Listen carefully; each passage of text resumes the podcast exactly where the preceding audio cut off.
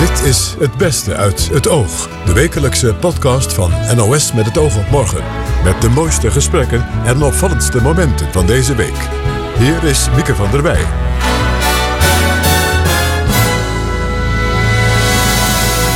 Welkom bij Het Beste uit het Oog. U begrijpt, ook deze week zijn er weer een heleboel mooie gesprekken gevoerd. Zo was deze donderdag bodemecoloog Gerard Korthals bij ons te gast. Met een heel bijzondere compagnon. Gerard Korthals vertelde over het belang van bodemdieren. En eh, we hadden daarbij een primeur, want voor het eerst was er een slak te gast in de studio. En inderdaad, wij als bodemecoloog hebben het idee dat uh, hoe meer dieren en hoe hogere aantallen van die dieren um, je vindt, hoe beter je tuin. En we spraken afgelopen woensdag met privédetective Jacques Smits over kindontvoeringen. Die vertelde over hoe hij te werk gaat als hij een ontvoerd kind terug naar Nederland moet halen. En op een gegeven moment dan is het uh, D-Day. En dan uh, gaan we het kind ophalen. Ophalen? Dat wil zeggen dat u eigenlijk daar dan, ja, ik bedoel, juridisch is dat niet zo, maar in de praktijk ontvoert u dan het kind daar.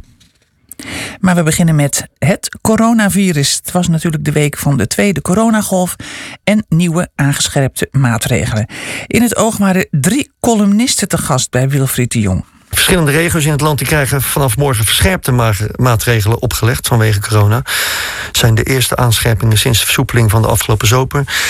Het licht in de cafés moet dan uh, eerder aan en er is een meldplicht voor als je met meer dan 50 man ergens je bevindt en samenkomt. Maar hoe corona leeft in andere delen van het land, uh, daar stoppen we een, een, kleine thermometer voor in de veilige grond, in de zogenaamde, en dan komt die de groene regio's.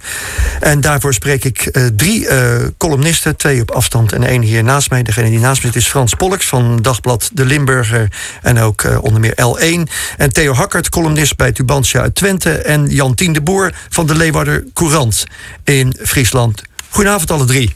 Goedenavond. Nou, om degene die dichtstbij zit, Frans Pollux, om met jou te beginnen.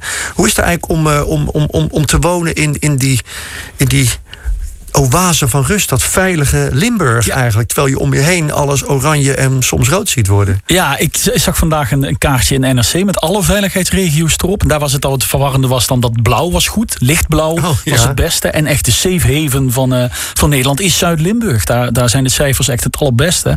Alleen als iedereen dan naar Zuid-Limburg komt, gaat het daar natuurlijk mis. Ja. Uh, Midden- en Noord-Limburg deed het ook prima. Dus het is ja, het, het, we hebben natuurlijk wel al iets voor de kiezer gehad. Uh, bij de vorige golf is het bij ons begonnen en was het ook heftig. Je hebt zelfs een dorpje Kessel waar het volledig uit de hand is gelopen. Die hadden nog een feest precies op het foute moment. En in dat dorp zijn echt, ja, er zijn 30 begrafenissen geweest in de mum van tijd. Um, ja, misschien is dat ook wel een oorzaak van waarom het nu uh, prima is. Dat mensen zo geschrokken zijn dat ze denken van nou, dit, dit, niet meer. Nou, dat je misschien iets meer, iets meer eerbied voor de regels hebt. Of ja, uh, voor, maar, de, maar voor bedoel, de afstand. Uh, waar woon je zelf? Venlo, hartje ja, Als jij op straat bent of s'avonds in cafés... zie je ook dat mensen zich allemaal aan de, aan de, aan de zaak houden? Ja, natuurlijk niet overal. Nee, nee. nee. Het zijn het kasteleins die het afdwingen... omdat ze weten dat de kroeg anders gesloten wordt. Dat ja. gebeurt wel. en in de supermarkt is, is de spanning er ook wel een beetje vanaf. Maar cijfers blijven goed. En zolang die cijfers goed blijven. Uh... Ja, dus het gedrag is niet perfect, zeg je, maar de cijfers blijven zo opvallend ja, zoiets, laag. Ja. ja. Okay, ja. Theo Hakkert, uh, ja. ligt het uh, in het oosten ook allemaal zo rustig bij als in Limburg? Ja, eigenlijk wel. Oh, uh, ja. we zijn ook niet zo'n brandhaard geweest als daar bij, bij Frans in de buurt. Dus dat is hier behoorlijk rustig, ja. En als er dan weer een kleine uitbraak is, zoals nu in Haaksbergen bij een voetbalvereniging, dan valt dat meteen op. Dus dan schiet Haaksbergen opeens in het donkerblauw. Maar de rest uh, van, uh, van Twente, die 14 gemeenten, die, uh, nou, die houden het heel laag. Ja, qua, qua besmettingen. Ja, maar je zou denken in een stad als, als Enschede, studentenstad, ja. dat, het daar, dat het daar ook, ja, we houden nu opeens blauw aan, hè? Blauw of oranje of rood zou kunnen kleuren. Ja, maar dat en... gebeurt dan niet echt? Hoe komt nou, dat? Daar hebben we van de week op de, op de redactie nog over gehad. Van hoe komt dat eigenlijk? Maar overal krijg je berichten uit Leiden en ook Groningen bijvoorbeeld en Amsterdam, allemaal studentensteden. De verklaring van de veiligheidsregio hier in Twente is dat uh, de Universiteit Twente zo ruim is opgezet. Uh, ook de campus, want we hebben een van de weinige campusuniversiteiten van Nederland hier uh -huh. in Enschede. Daar, die biedt zoveel ruimte. En ik denk dat ruimte ook een van de sleutelwoorden is in, in, in, bij dit probleem. We hebben Lucht, in Twente behoorlijk veel. Ja, ja. ruimte. Dus, en dat geldt bijvoorbeeld ook bij mensen uh, achter het huis en in supermarkten. En uh, ja, ik hoor Frans net zeggen dat er bij supermarkten wel iets meer spanning is. Ik zag vandaag hier, ik woon in Goor in de Hof van Twente daar zijn nog steeds uh, jongens die daar alle wagentjes schoonmaken. Dus we houden ons nog steeds hier heel keurig aan, uh, aan allerlei uh, voorschriften. Dat is opvallend, want ik in Rotterdam, waar, waar het nou, redelijk de kop opsteekt, zou ik maar zeggen, zie ik dat juist steeds minder gebeuren. Dus stuur die wagensjongetjes maar, maar naar, naar ons toe. Jantien de Boer, hoe gaat het in Friesland? Nou, het is hier nog steeds wel rustig, maar het, het, ja, het, het wordt wel, uh, hoe zeg je dat, ingewikkelder hier. Omdat twee weken geleden waren er 37 mensen hier die positief getest werden. Maar de afgelopen week waren dat er 93 en in Leeuwarden 40 studenten. Uh, en het zijn vooral jonge mensen tussen de 16 en 30 die hier nu positief testen. En de GGD Friesland die heeft een preek gegeven, staat vandaag in onze krant, -hmm. uh, dat je vooral moet uitkijken in de horeca, dat je geen huisfeestjes mag houden, of wel, maar dan volgens de regels. Dat je moet uitkijken met, als je met vrienden samen bent. En studentenverenigingen, die krijgen ook een preek weer. Dus het zijn vooral jongeren en ja. voetballers in Leeuwarden. Voetbalvereniging Blauw-Wit 34, het vierde elftal, had eerst één corona getest. En nu zijn zeven spelers ja. van dat elftal getest. Stonden toch al niet zo goed, geloof ik, hè? nee. en de eerste selectie is nu ook getroffen. Oh dus, jee, uh, ja, zo gaat het dan. Hè? Maar nee. je vertelt net over, zijn je nou 40 studenten op één plek? Ja, ja Wat is daar gebeurd, weet je dat?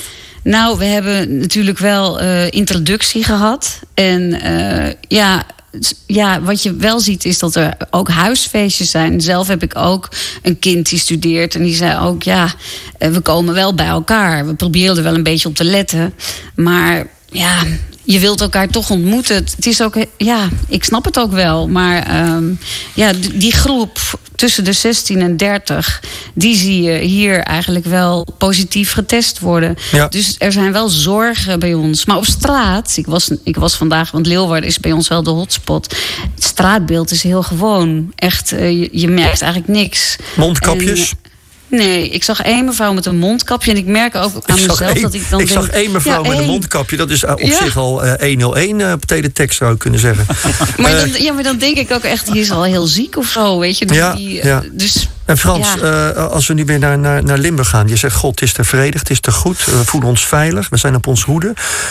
Maar carnaval komt eraan. Ja, dat is wel iets. Kijk, volgens mij zijn wij wat, wij zijn misschien wat volgzamer. Als je met een antropologische blik naar Limburg kijkt. Ook vanuit de geschiedenis katholiek en die mijnwerkers, daar werd alles voor geregeld. Dus misschien zijn we wat docieler wat dat betreft. Maar nu komt er iets wat ons echt aan het hart gaat, namelijk carnaval. De afgelopen weken zag je dat ehm, de kleine carnavalsverenigingen van de dorpen één voor één allemaal, die sturen dan ook zelf persberichten uit, weet je wel. Dat wordt niet door de veiligheidsregio gecoördineerd. Maar die laten allemaal één voor één weten, onze activiteiten gaan niet door. We gaan geen prins uitroepen, we doen geen grote bals, we doen niks. Geen stoeten? We doen niks, geen optochten, geen stoeten. Eh, terwijl de grote carnavalsvereniging van de steden, Venlo voorop, dat heeft de oudste carnavalsvereniging van Nederland, die hebben gezegd, juist wel. In deze tijd juist wel. Maar hoe willen ze dat dan doen op het plein daar? Ik kom er wel eens. Dus, eh, Ja, dat doen ze dan anders dan andere jaren. Bijvoorbeeld eh, die, die massale bijeenkomsten, 20, 30.000 man. dat kan, kan niet. niet. Dat kan niet. Maar carnaval is ook meteen het feest van de creativiteit. En ja, ik vind dat wel tof. Dat iedereen een, so- een soort van gedwongen wordt om het anders te doen dan normaal. Maar de kern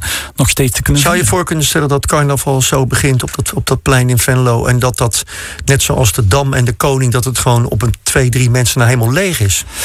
Ja, het lijkt me fantastisch. Het lijkt me fantastisch dat er zoiets gebeurt centraal in de stad. En dat verder iedereen het in zijn eigen straat doet met verstand eh, en, en op afstand. Maar je gaat het niet tegenhouden. Je kunt ook niet zeggen er is geen kerstmis dit jaar of zo. Of dit- het is er wel. En mensen gaan daar iets mee doen, dat kan ik je garanderen. Eh, dus dat moet je of in goede banen leiden... of iedereen juist zelf laten, eh, laten bedenken van, van, doe maar iets. En dat laatste gebeurt. Nou ja, de groene gebieden gaan er dus rustig mee om, hoewel het gevaar van een stijgend aantal besmettingen ook daar op de loer ligt. En dan komen we nu terug op die kinderontvoering. Hoe is het daarmee gesteld in Nederland? En hoe haal je een kind terug wanneer hij of zij ontvoerd is? We spraken privédetective Jacques Smits en familierechtadvocaat Janneke Mulder erover. Zij legde deze week aan Chris Keijnen uit wat zij doen om een kind terug te halen. Meneer Smits, goedenavond. Goedenavond. U bent nu niet in Nederland, hè, maar u wilt niet zeggen waar u bent. Waarom is dat? Ehm, geen slapende honden wakker maken. Laten we het daarop houden. Oké, dan houden we het daarop. Ehm, ja, wat, wat, en wat doet u daar waar u de hond eh, wil laten slapen? Want eh, kan je zomaar een, eh, een kind terughalen uit een ander land? Of is wat u doet illegaal? Ehm, in desbetreffende landen is het mogelijk illegaal. Maar uh, de, de, strafbare feiten die in Nederland gepleegd zijn, het onttrekken van een minderjarig kind, valt onder 279 strafrecht. Mhm. Dus de ontvoerder of de ontvoerster heeft zich schuldig gemaakt aan een strafbaar feit in Nederland. Mhm. Dus dan zeg ik, uh, ja, uh, koekjes in eigen deeg. Ja. Ten gunste van het kind. Oog om oog, tand om tand, zegt u dan. Um, ja. Oké. Is het moeilijk om kinderen terug te halen? Kunt u beschrijven hoe u te werk gaat? Nou, op dit moment met die uh, corona-toestanden is het natuurlijk uh, vrij moeilijk om het uh, in het buitenland te komen. Ja. Maar de opsporing van het kind moet eerst in Nederland een bepaalde rechtsgang doorlopen hebben. Ja. Alle rechtsgangen moeten dusdanig zijn dat het recht uh, aan de Nederlandse ouder is toegewezen. Ik Ja. praat niet over vader of moeder, maar aan de Nederlandse ouder. Ja. En als al die rechten zijn doorlopen, dan, uh, dan kunnen wij aan het werk gaan, zolang het maar binnen een jaar, binnen 365 dagen, na de onttrekking is. ja, en dan gaat u aan het werk. En wat doet u dan? We gaan het kind opsporen. Mhm. Er zijn altijd wel lijntjes dat men vermoedt waar het kind zit. Wij gaan het kind opsporen, we gaan naar dat land toe. Uh, als we het kind aangetroffen hebben, maken we daar foto's van. Mhm. En we gaan terug naar Nederland. Mhm. En met onze advocaten en met de advocaten van onze opdrachtgever... gaan we kijken of het het juiste kind is. Want je zal maar een verkeerd kind mee terugnemen. Mhm. Ja. En mocht dat zo zijn, dan gaan we een plan van aanpak maken. Dan reizen we af met de Nederlandse ouder naar dat land. Die verblijft in een hotel. En op een gegeven moment dan is het uh, D-Day. En dan uh, gaan we het kind ophalen. Ophalen. Dat wil zeggen dat u eigenlijk daar dan, ja, ik bedoel, juridisch is dat niet zo, maar in de praktijk ontvoert u dan het kind daar? Nou, wij praten niet over ontvoeren, wij Nee. praten over repatriëren. Ja. Welke rol Dat speelt zegt- die ouder daarbij? Uh, die, de, de rol van deze ouder is dat zij, hij of zij, als eerste het kind ziet. Dat het kind niet van mij schrikt. Ja, ja. Want dan krijgt het kind een trauma erbij. Oké. En, en, ook, En- en ook om het kind een beetje eh, naar u toe te lokken misschien. Nou, nee, nee, we gebruiken de ouder niet als lokkaars. Hmm. Maar eh, als, als we daar aanwezig zijn, weten we precies hoe laat, waar en wanneer dat het kind alleen is. En dan lopen we met de ouder naar het kind toe. De ouder pakt het kind op. We stappen in ons voertuig en we verdwijnen. En waar gaat u heen dan? Eh, meestal naar een buurland per auto. Hm? En vanuit daar vliegen wij eh, richting Nederland of misschien nog een tussenland.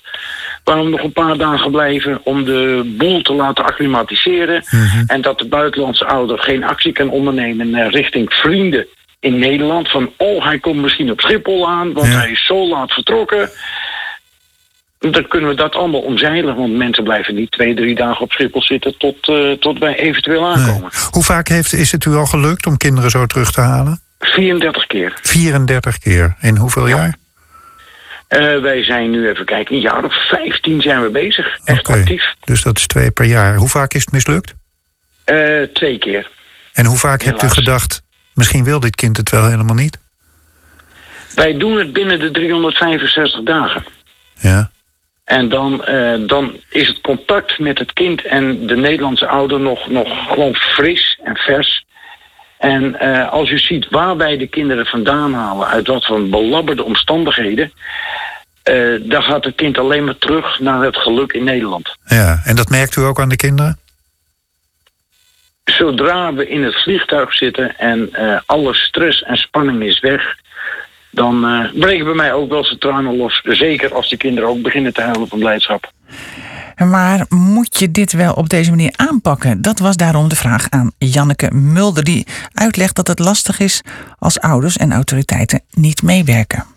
Hebt u, er, hebt u er principiële bezwaren tegen? Want ja, ik, ik zet het een beetje scherp net. Ik zei, wat u doet is ook ontvoeren. Juridisch is dat misschien niet zo, maar ja, voor, voor, voor de autoriteiten in dat land waarschijnlijk wel op dat moment. Uh, nou, ik begreep van meneer Smit uh, dat, uh, dat, dat ze wel inderdaad kijken naar de procedures die al doorlopen zijn. Ja, in, in, in, in, in Nederland dan, hè? Ja, ja inderdaad. Hè. En um, ik heb zelf inderdaad ook meegemaakt dat als die procedures doorlopen zijn, dat het toch kan zijn dat de ontvoerende ouder dan het kind verstopt en mm -hmm. Niet meewerkt om, om het kind weer naar het land van herkomst terug te leiden. Um, en dan um, merk je ook wel dat ouders er tegenaan kunnen lopen dat de autoriteiten dus niet voldoende meewerken. Ja. Um, in Nederland is dat, uh, is dat anders hoor. Maar in het buitenland komen ja. er wel eens uh, toch situaties tegen dat je denkt van nou, hè, uh, we weten al waar het kind zit. En volgens mij moet je nog even een extra stapje doen om het kind te. En wat doet u dan? Wat, wat kunt u dan nog doen in die situatie? Nou, ja, nou, dat is dus heel lastig. Voor als je met het buitenland te maken hebt. En dan kan ik me heel goed voorstellen dat de ouders denken van ja, dan schakel ik een privédetective in. Hm. Uh, want ik heb inderdaad nu zelf met een zaak te maken waarbij uh, we het via uh, het ministerie van Justitie dan hier proberen te nou ja, spelen. Hè, dat ja. het op diplomatiek ja. niveau dus um, achter de schermen gebeurt. Um, dat we ook kijken van nou, wat kunnen we verder dan hier nog in, uh, in Nederland doen. Uh, kan de politie hier in Nederland de politie daar gaan helpen? Um, kan de officier van justitie hier in Nederland uh, nog iets doen die gespecialiseerd is in kinderontvoeringszaken? Kunnen we de advocaat in Portugal nog, het land waar ik dan nu te maken heb, nog in het tips geven? Ja, dus al, allemaal dat soort dingen. Maar ja, dat, dat loopt nu ook al een tijdje en daar is nu ook nog geen uh, vooruitgang in. Nee. Met welke... Dus dat blijft lastig. Dat blijft lastig, zei Janneke Mulder. En dan gaan we naar de natuur. Wildlife dierenarts Martine van Zeil was er. En die schreef het boek over het leven in het wild. Gaat over haar eigen belevenissen in de wildernis. Chris ja, die deed twee uitzendingen deze week. Maandag had hij haar eh, te gast. Het gaat dus over de mens in relatie tot de natuur. Hoofdstuk 1 begint meteen al met een aanvaring die je had met een enorme Afrikaanse uh, buffel levensgevaarlijke situatie. Heel spannend begin. Je zit er meteen in. Wat gebeurde er? Ja, um, het rare is eigenlijk... Ik begin meteen met iets superspannends natuurlijk. Ja. En um, ja, dat is ook om een indruk te geven van het leven wat ik heb geleefd. Ja. En dat het allemaal echt gebeurd is. Dus ja. uh, ik was eerst begonnen met een droom... maar toen dacht ik, nee, ik moet meteen schrijven hoe, de, hoe het echt ging. En het interessante is dat als er zoiets gevaarlijks gebeurt, dat een, als een wilde jou aanvalt. Ja, want dat gebeurde er, hè, ja, voor de duidelijkheid. Ik werd aangevallen door ja. een Afrikaanse buffel. Ja. En het rare is dat je op zo'n moment niet bang bent. Dus als er echt actie nodig is om te overleven, dan is er geen ruimte voor angst. Dus wat ik daar heb geleerd is dat angst eigenlijk irreëel is. Je hebt alleen angst als je tijd hebt om na te denken over die angst. Maar als je echt iets moet doen, dan gaat jouw lichaam reageren en je krijgt adrenaline. Ja. En jouw lichaam begint gewoon keihard te rennen. Ja. Want je en... moet een flink tempo hebben als je een Afrikaanse buffel voor wil blijven, toch? Ja, ik had geluk dat hij nog wel wat afstand had. Ja, en uh, gelukkig kan ik, ja. het navertellen. Ja, ja. Uh, maar het was wel een uh, buitengewone ervaring eigenlijk achteraf, ja. Ja, want ja. om even de situatie te schetsen. Je, je moest hem verdoven en je stond op hem te mikken, maar hij stond net een beetje verkeerd. Dus je wachtte. En toen kreeg hij in de gaten en toen begon hij heel hard jouw kant op te rennen. En jij kon op het laatste moment nog net in een in een dierenverblijf duiken en het hek achter je dichtgooien, waardoor hij niet naar binnen kon. Hè? Ja, eigenlijk was het uh, ook wel heel erg geluk, denk ik. Ja. Maar uh, ja, het was ook stom, want uh, soms ben je als wildlife dierenarts uh, erg gefocust op het probleem oplossen. En dat was voor mij ook wel een leermoment. Dat ja. je ja, je eigen veiligheid soms over het hoofd ziet. Dus ik heb dit hierna ook niet meer gedaan. Nee, dat maar, begrijp ik. Ja, het te voet verdoven is, blijft altijd een gevaar. Dus we hadden wel altijd afgesproken welke boom uh, neem jij als ze aangevallen worden. Ja. Dat risico heb je gewoon elke dag als je dit werk doet. Ja. Dus het hoort erbij. Even terug naar het begin. Ik, ik moest bij het lezen uh, meteen aan een van mijn eigen grote jeugdhelden denken. Daktari. Zegt het je iets? Ja, tuurlijk. Wie niet, hè? Televisieserie ja. in de jaren zestig over, over een, uh, een wildlife arts. Ja, zeker. Maar dat is voor jouw tijd. Ja, maar goed, die series waren toen ook, toen ik jong was, ook op televisie. En, maar was, daar is was, de droom niet begonnen waar hoor. is het begonnen? Um, ja, natuurlijk. Ik was zo'n meisje die altijd dierarts wilde worden. Dus hmm. mijn ultieme droom was veearts. En ik wilde eigenlijk alleen maar keizersneden doen mijn hele leven. En hoe kwam dat? bij mijn oom en tante was ik eigenlijk van jongs af aan altijd op de boerderij. Ze hebben een boerderij en altijd in de weer met schapen en honden, katten, koeien. En die droom als wild, om wildlife te worden is eigenlijk begonnen in San Francisco. Toen ik daar vrijwilligerswerk deed in een uh, zeehondenopvangcentrum. En toen zag ik die onafhankelijkheid toen we Californische zeeleeuwen vrijlieten. Die we hadden opgevangen. Ja, dat raakte me enorm. Die, die onafhankelijkheid, dat die dieren gewoon de zee weer ingaan en hun eigen leven leven. Mhm. Los van ons. Dat er een heel leven is buiten de mensheid. Dus dat er dieren zijn die hun eigen plannen maken. En dat vind ik heel inspirerend. Ja, ja en dan, dan komen we eigenlijk bij de, de diepere laag. Want het is een ontzettend spannend boek met inderdaad heel veel uh, fascinerende verhalen over je werk in de praktijk. Wat heel vaak dat verdoven is, bijvoorbeeld. Maar ook daarna met halfverdoofde dieren aan een touwtje, neushoorns. Maar ook Afrikaanse buffels uh, de, naar een kooi toe lopen. Maar er zit een diepere laag in, want je leert er heel erg veel van. Over je mens zijn eigenlijk. Wat, wat is de essentie van wat je leerde? Ja, ik heb zoveel geleerd dat eigenlijk niet te vatten is in een boek. Ik heb het geprobeerd, maar er is nog zoveel meer. Maar ik denk het allerbelangrijkste wat ik heb geleerd is uh, dat wij zelf natuur zijn. Mm En dat uh, daarom wilde dieren zo inspirerend zijn, omdat wij hetzelfde zijn. En wij zetten onszelf altijd naast de natuur. Maar ik heb ook in Gabon gewerkt, in het regenwoud, met wilde westelijke laaglandgorilla's. En daar woonde ik in uitgestrekte wildernis. Gabon is de helft van Frankrijk en 85% regenwoud. En ik woonde daar met een klein team. En de rest, daar waren gewoon verder geen mensen. En mhm. alleen maar gorilla's, uh, olifanten, buffels, vogels, reptielen. En daar realiseerde ik mij heel erg uh, hoe de wereld van oorsprong was. Heel veel dieren, uh, neushoorns zijn er al 50 miljoen jaar. En wij mensen eigenlijk ja, maximaal 300.000 jaar. Mhm. Dus de wereld is heel erg veranderd door onze activiteit. En um, ja, dat is wel het meeste wat ik heb geleerd eigenlijk. Hoe de wereld is zonder mensen. Wat ik heel fascinerend vond over die tijd in Gabon. Want je ging daar dan ook nog eens apart in je eentje buiten het kamp wonen waar al je collega's zaten. Je beschrijft hoe je daar op een zeker moment ook door de omstandigheden verzoend raakt met de dood, met je sterfelijkheid. Hoe zat dat? Ja, dat was heel bijzonder. Uh, het klinkt misschien heel vreemd voor ons Nederlanders. Ik begrijp heel goed dat deze verhalen soms zo ver van je bed zijn. En toch is het zo dat iedereen dit kan voelen. Ik denk dat iedereen van ons die een tijd in de wildernis leeft, uh, kan accepteren wat er gebeurt. En dat gaat heel natuurlijk eigenlijk.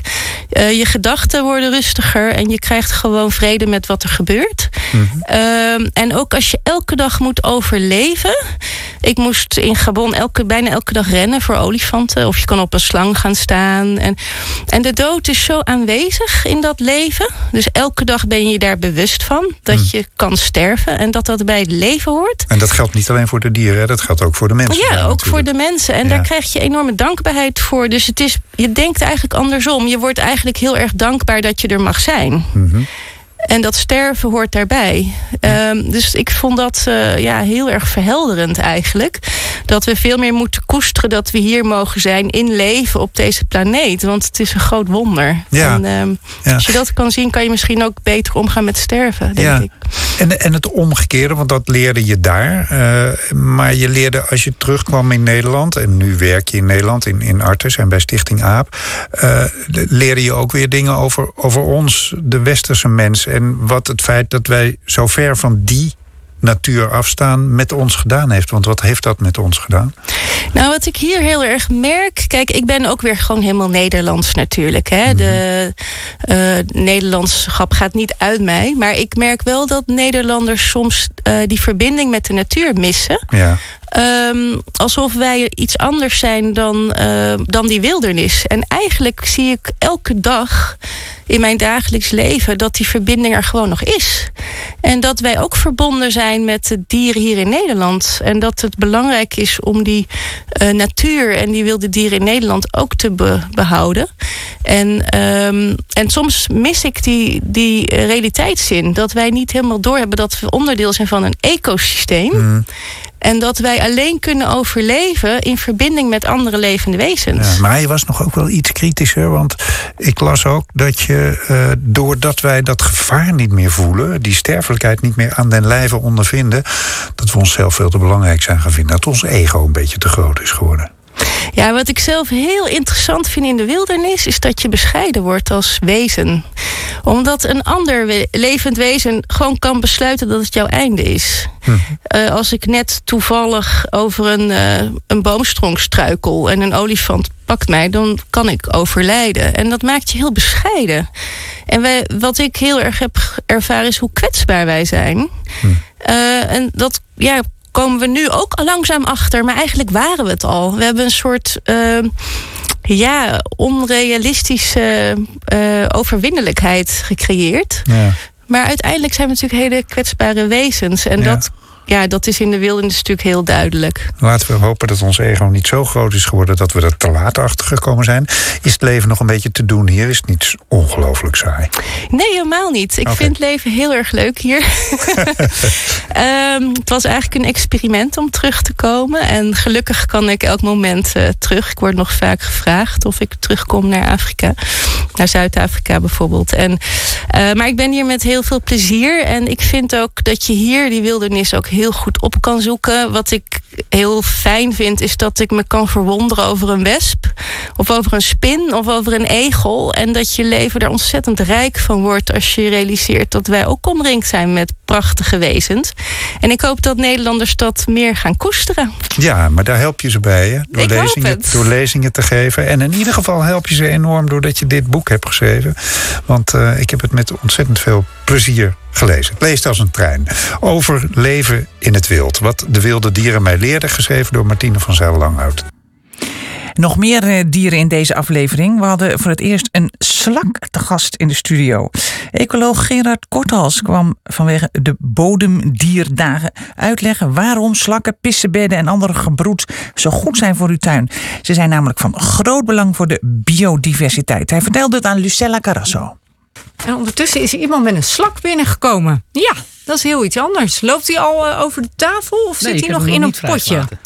Nee, u hoort uh, Gerard uh, Korthals. U mag hem wel even. ik heb hier, we hebben hier nog nooit een slak in de studio gehad, volgens mij. bodemecoloog van het Centrum voor Bodemecologie.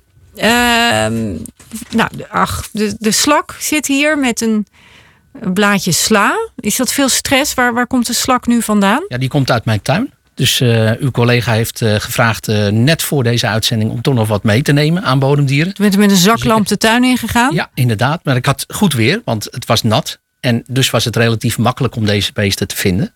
Um, ja, en in dit potje, hoeveel dieren denkt u dat hierin zitten? Hoeveel bodemdieren? Ja, het is een heel klein potje. Het zou een klein koffiekopje zijn. Hoeveel bodemdieren daarin zitten? Nou, vier. Het zijn er een paar miljard. Oké. Okay. Want ik heb ook grond erin. Ja. En ik ben bodemecoloog inderdaad. Een paar dus, miljard in dat, in dat potje, in dat koffiekopje. Ja, ja. Dus wij onderzoeken dat. Maar wij kijken natuurlijk uh, heel veel, 90% of meer is bacterie, schimmel, aaltjes. Allemaal beestjes die je eigenlijk met blote oog niet kan zien. Maar voor de bodemdierendagen die wij hebben bedacht, um, kijken we naar de dieren die je wel gewoon met het blote oog kunnen, kan zien. Ja, want daarom bent u hier. Hè? Ja, de, die, ja. die dagen die zijn er. Mensen uh, gaan de tuin in. Ik kijk ondertussen naar de slak. Die ja. kruipt naar de microfoon. um, mensen gaan de tuin in om uh, te kijken welke bodemdieren er zijn. Ja, dat is de bedoeling. Dus uh, vanaf morgen kunnen mensen gewoon in hun eigen tuin of op het balkon of op een groen dak of in het plantsoen meedoen aan onze actie. Uh, en die informatie is te vinden op bodemdierendagen.nl. Uh, heel laagdrempelig. We hebben gewoon tips gegeven hoe je moet zoeken. We hebben een uh, kaart gemaakt met welke dieren je eventueel heel makkelijk kan vinden. Ja, een pissebed staat daarop. Onder andere een pissebed. Die staat meestal op nummer 1 van alle inzendingen. Maar inderdaad, via de website kan je dus ook de, de dieren die je hebt gevonden in 15 minuten of 30 minuten, kun je doorgeven. En het leuke is, daar krijg je ook een soort van rapportcijfer. En dat geeft een beetje aan dus hoe goed jouw tuin scoort. Uh, hoe diervriendelijk eigenlijk jouw tuin is. Want hoe meer bodemdieren, hoe, hoe beter het is volgens uw score. Ja, dus ja, hoe meer slakken, pissenbedden, ja. kevers. Ja, wat staat er nog even, meer op? Wormen? Um, ja, we hebben dus uh, duizend poten, miljoen poten. Kevers is een belangrijke groep. Mieren. Ehm, wormen natuurlijk. Uh, nou ja, met verschillende tips kun je dus een deel van die bodemdieren, als je een beetje je best doet, goed vinden. En inderdaad, wij als bodemecoloog hebben het idee dat uh, hoe meer dieren en hoe hogere aantallen van die dieren um, je vindt, hoe beter je tuin functioneert. Want al die bodemdiertjes, ondanks dat sommige mensen. Die voor sommige er dieren, snel over de schutting naar de buren gooien. Ja, ja omdat ze de bloemen je, opvreten. Ja. Nee, ik niet hoor. Ik niet. maar als je er iets meer voor gaat interesseren, nogmaals, ze hebben allemaal hun nut en functie. En bijvoorbeeld die uh, slakken. Um, eigenlijk geven ze niet heel veel schade aan je tuin. Uh, nou, ze vreten die, die, die, die bladeren van die bloemen op. Nou, dat valt reuze mee. Uh, ik, heb een, ik heb een mooie tuin, uh, mag ik zelf zeggen, met heel veel soorten planten. En uh, slechts één of enkele planten worden sporadisch aangegeten oh, door de slakken. Nou, dan kan, dan kan Want de slakken, een ander verhaal de meeste slakken, Ja, maar de meeste slakken, als je er goed op let, eten met name afgevallen blad. En ze zitten ook liever eigenlijk onder de planten en niet op de planten, behalve s'nachts. En soms kunnen ze dan schade geven, maar nogmaals, meestal op enkele plantjes. En, en wat is hun, hun functie? Waarom zijn zij zo belangrijk? Als we even een paar van die uh, bodemdieren langslopen. Nou, de meeste, hè, dus wij kijken er eigenlijk naar, nogmaals, begin met heel klein, die kan je niet zien, maar uiteindelijk de grotere dieren, allemaal zijn ze betrokken bij de kringloop van het uh, organisch materiaal. dus in een normale tuin of in een akker, daar valt blad. Nou, binnenkort met herfst vallen alle bladeren van de, in ieder geval van de bomen af. En um, als de bodemdieren er niet zouden zijn, dan zou dat zich ophopen. Dan verteert dat niet, want dat doen de bodemdieren. En dan wordt uiteindelijk de, de, laag daaronder wordt gewoon. Uh, en dus de bodemdieren beginnen met het verteren van het blad. En daardoor, en uiteindelijk uh, door die hele kringloop uh, komen uiteindelijk de voedingsstoffen uit het blad, onder andere weer beschikbaar voor de planten. Ja, en, en dat geldt voor, ook voor de kevers, maar voor de mieren ja. ook? Ja, de mieren uh, nou ja, die hebben andere functies. Hè. Sommige mieren, is misschien bekend, kunnen ook helpen om bladluizen in ieder geval te melken. Dus die, die, ja, die zorgen in ieder geval dat de bladluizenpopulatie minder extreem groeit. Uh, die hebben zelfs een soort symbiose, dus een samenwerking met uh, bladluizen. Uh, maar mieren zijn berucht om, als er ergens voedsel ligt, voedsel wat ze lekker vinden, dan halen ze dat meestal naar hun kolonie. Um, en zo ruimen ze dus ook een deel van nou, bijvoorbeeld bloemen die afgevallen zijn of nectar wat er nog in zit, halen ze weg naar de kolonie. En zo begint de vertering van al het afgevallen materiaal. Ja, dus het is, het is belangrijk dat die dieren er zijn en, en er blijven. Stel nou eh, dat je een 3 scoort met je tuin, wat dan? Ja, nou dan is er niks aan de hand. Uh, ik hoop dat je het dan in ieder geval leuk hebt gevonden om te leren kijken naar bodemdieren. Maar we geven ook bijvoorbeeld op de website uh, tips hoe je eventueel die score kunt verbeteren. Want het kan natuurlijk aan de ene kant liggen aan het feit dat je misschien nog niet zo goed kan zoeken naar bodemdieren. Want dat, ja, dat moet je een beetje leren. Um, maar je kan natuurlijk ook heel andere dingen veranderen in je tuin. Je kan bijvoorbeeld wat meer blad laten liggen of blad wat op de stoep ligt of op de straat ligt, kun je misschien in je tuin uh, gooien. In plaats van het helemaal op te ruimen. Ja. Nou, u, u had een 9, hè? Ja. Dus uh, die slakken ja. moeten ook wel weer terug. Want zo ja, wordt het die gaan zeker terug. Zijn ze erg gestrest? Is uw indruk uh, nee, nu ze hier in de studio mee. zijn? Dat valt wel mee. Hè? Dus ik heb bewust niet alle bodemdieren die ik in mijn tuin heb uh, meegenomen. meegenomen. Maar deze gaan weer terug in het potje. Ehm, natuurlijk houden ze van liefst donker en vochtig. Uh, dus ik breng ze straks weer terug naar mijn tuin en dan is er niks aan de hand. Nou, dat hoop ik dan maar dat het goed gegaan is met die slakken. Uh, het beste uit het oog was dit weer voor deze week. Dankjewel voor het luisteren. Volgende week dan staat er weer een nieuwe in uw podcast-app. Dag.